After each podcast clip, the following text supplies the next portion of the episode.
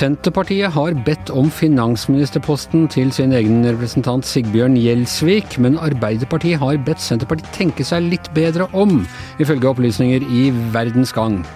Og er Squid Game verdens mest sette TV-serie? Den er i hvert fall en av de blodigste så langt. Dette er Gjevrøy-gjengen. Det er mandag den 11. oktober.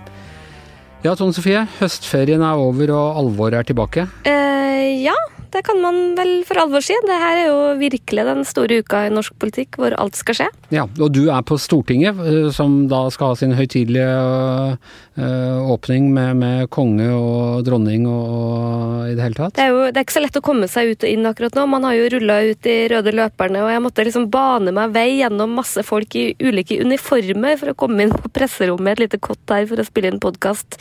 Så det er virkelig stor festivitas. Ropte du 'slipp pressen frem'? Det pleier jeg å gjøre når jeg skal snike i køer. Og så var det veldig mange bunadskledde stortingsrepresentanter. Ja, for de stiller i bunad nå, ja.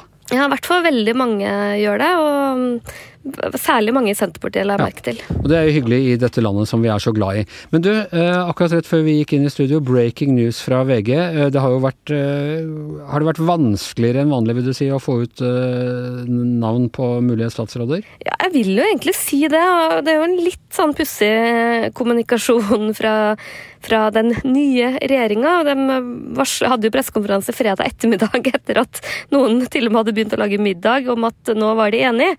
Men hva de er blitt enige om, det får vi liksom ikke vite før om nesten ei uke. Så det har jo vært eh, Og vi har også fått høre at nå skal Jonas begynne å ringe statsråder, de, og de skal presenteres på torsdag. Så det er liksom eh, Nå er det i hvert fall i gang med å prøve å få ut ting. Og det har ikke stått på innsatsen. Og det, er, det blir vi litt frustrert av i pressen, når, når, vi vet at folk har fått telefoner og vi ikke får vite om det. ja, jeg tror det har vært uh, mye lojalitet om å holde navn, og så har vi uh, fått ut en del navn i, i løpet av helga hvor de noen prøver å påstå at det er ikke ferdig og ingenting er klart før alt er klart, men det begynner jo å tegne seg et lite mønster, da. Men denne saken som altså nå akkurat kom push-varsel i, i Verdensgang, og da vet vi at det er sant. Eh, Senterpartiet har bedt om at Sigbjørn Gjelsvik, en av deres representanter, skal få finansministerposten. Men Arbeiderpartiet har bedt Senterpartiet tenke seg om. Hva innebærer dette? Nei, det innebærer at uh, fra Arbeiderpartiets side så har man vært opptatt av at Senterpartiet skal ha finansministerposten.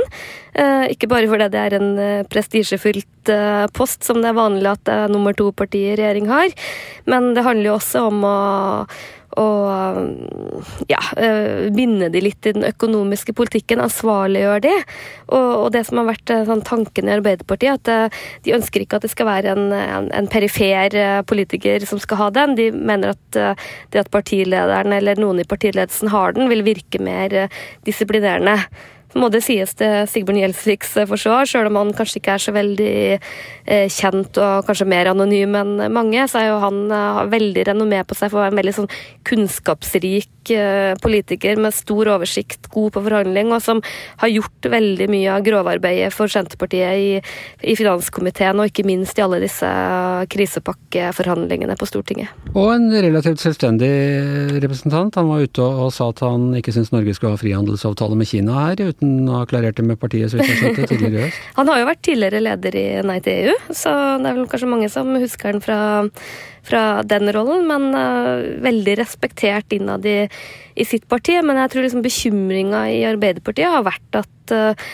at, uh, at, en finansminister som ikke er så bindet til partiledelsen, blir litt mer en sånn mer en frispiller og eh, sånn som det har vært Man hadde jo Gudmund Restad i sin tid som finansminister. men De mener liksom at det er viktig at partiledelsen har den rollen, da. Ja, de vil ha en som, eh, som de vet er bundet til hele regjeringsprosjektet og ikke skal drive med egenmarkering, rett og slett. Ja, og det handler jo selvfølgelig om å øh, passe på pengebruken, at man, ikke, at man er liksom enig om de økonomiske rammene, og at det har en veldig sånn disiplinerende effekt på et parti å faktisk uh, sitte i Finansdepartementet. Det er noe med strukturene der inne som jeg tror gjør noe med hvem som helst. Ja, nettopp. Altså, er det ikke det? Kan du ikke bare trygt sende enhver opprører inn i det departementet og vite at han er radikalisert i løpet av 14 dager av alle disse økonomene der inne som leser høyt fra perspektivmeldinga for hvert morgenmøte og, og maner til edruelighet og, og nøysomhet? Jeg tror i hvert fall at de klarer å få skikk på sjøl den største opprører, men jeg tror vel tanken er at det eh, skal eh, ha mest mulig eh, innflytelse over partiet sitt òg, da. Det er liksom det som er tanken.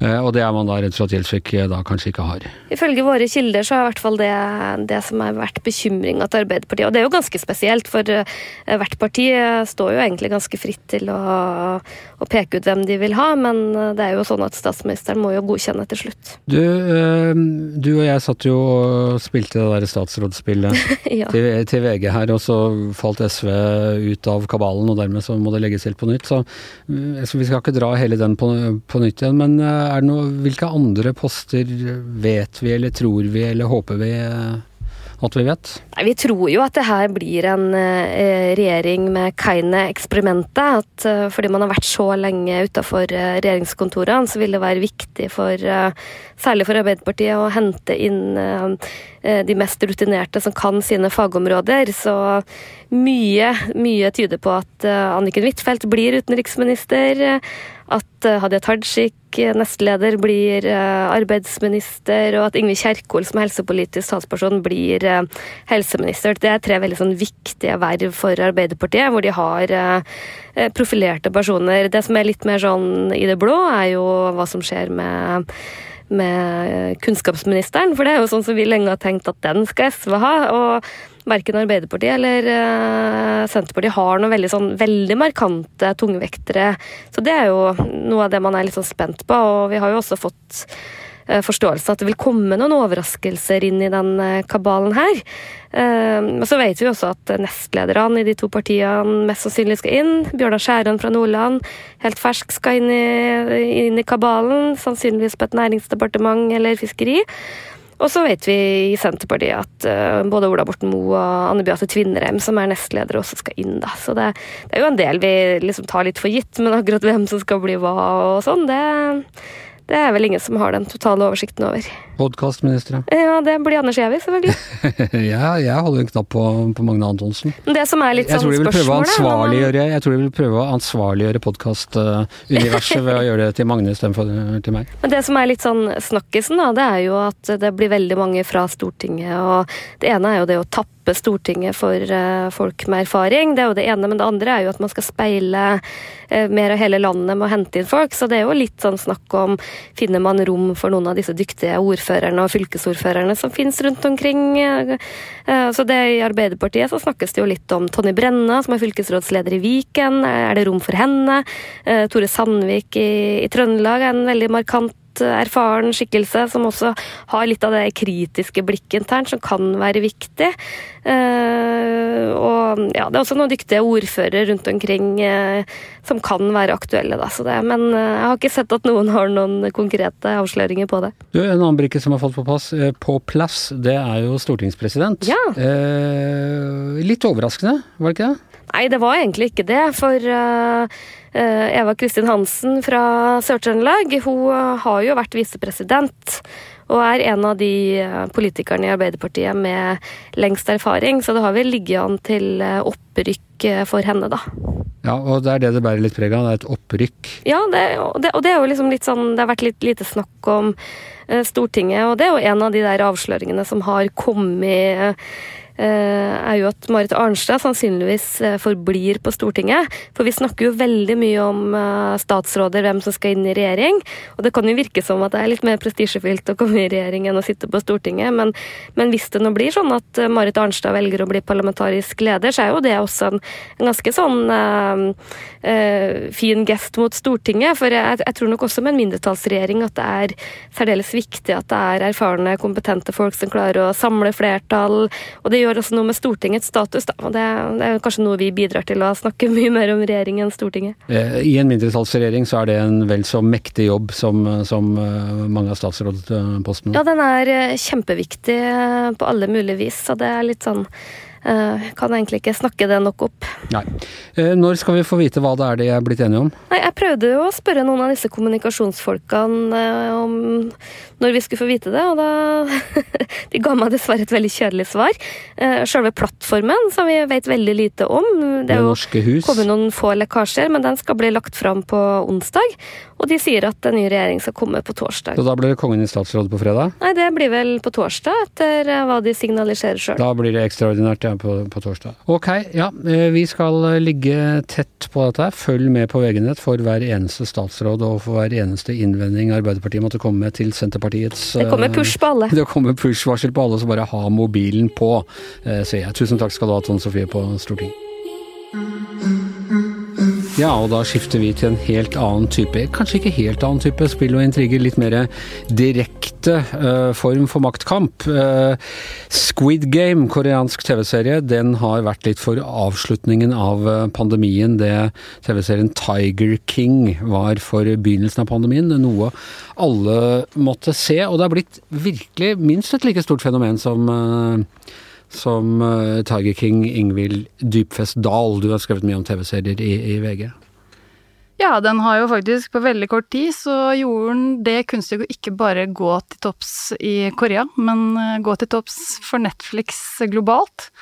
Og det er jo en rekord for en koreansk serie. Og så ser jeg det er mye diskusjon her. altså Netflix har plutselig lettet litt på sløret. De vil jo vanligvis ikke av, avsløre TV-tall og sånne ting, men de har gjort det nå. Er dette en hype fra, fra Netflix side, eller er, det, er, dette reelt at den er så svær? For hvis den er den mest strømmede på Netflix noensinne, betyr det vel i realiteten at det er en av verdens største TV-serier noensinne? Ja, nå må vi huske at eh, nå, For det første røper jo ikke Netflix alle sine hemmeligheter, men de, røp, altså, de teller jo også tell, seertall som noen som har sett vært innom en serie i to minutter, så vidt jeg vet. Og da har jeg sett mange i så fall.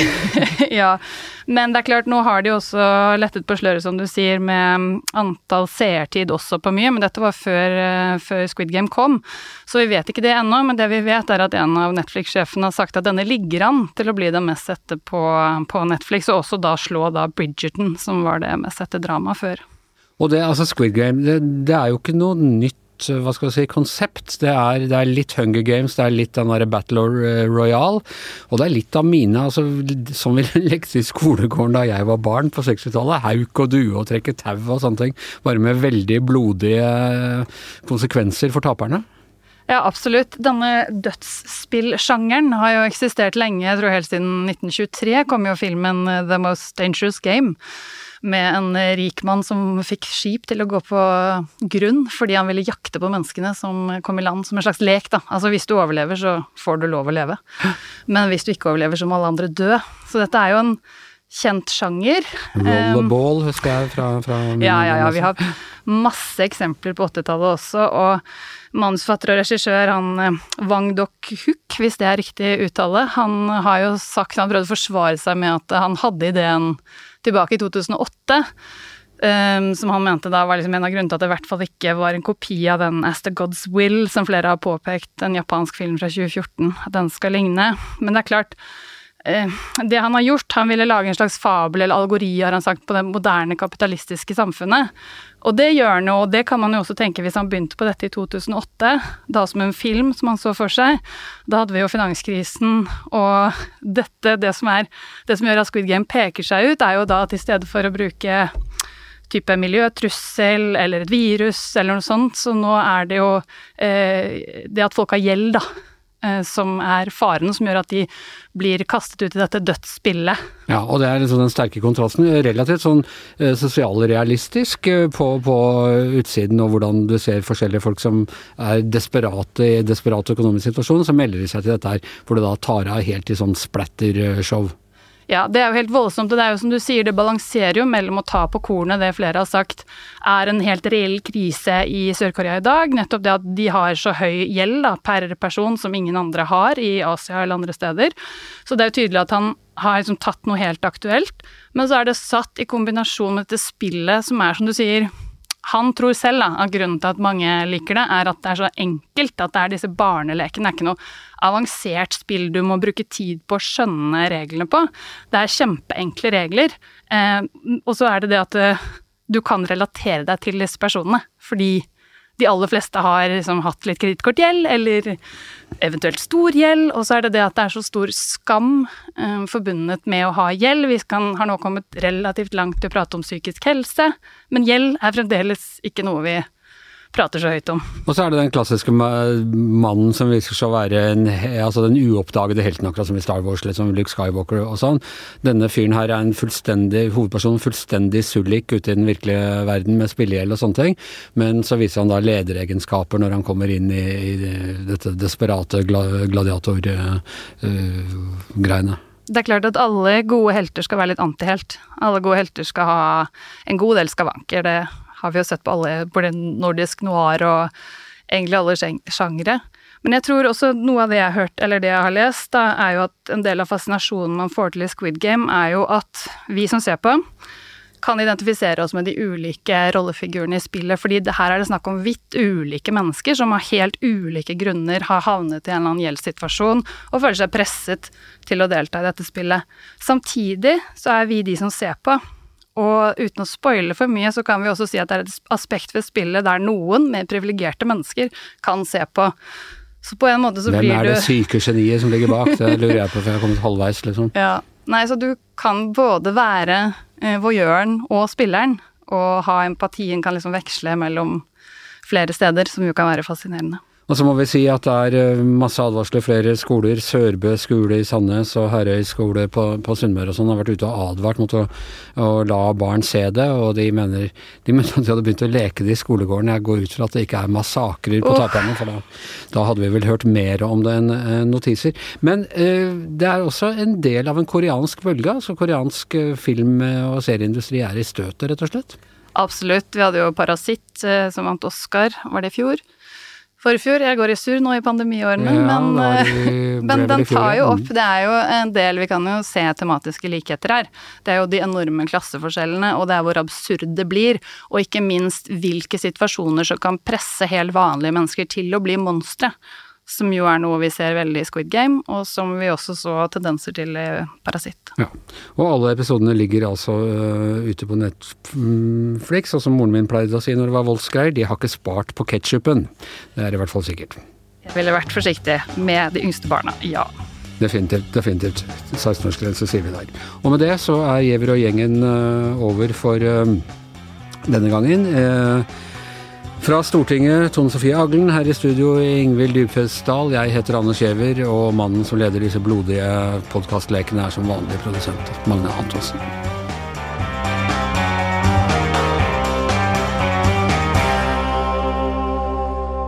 Du har hørt en podkast fra VG.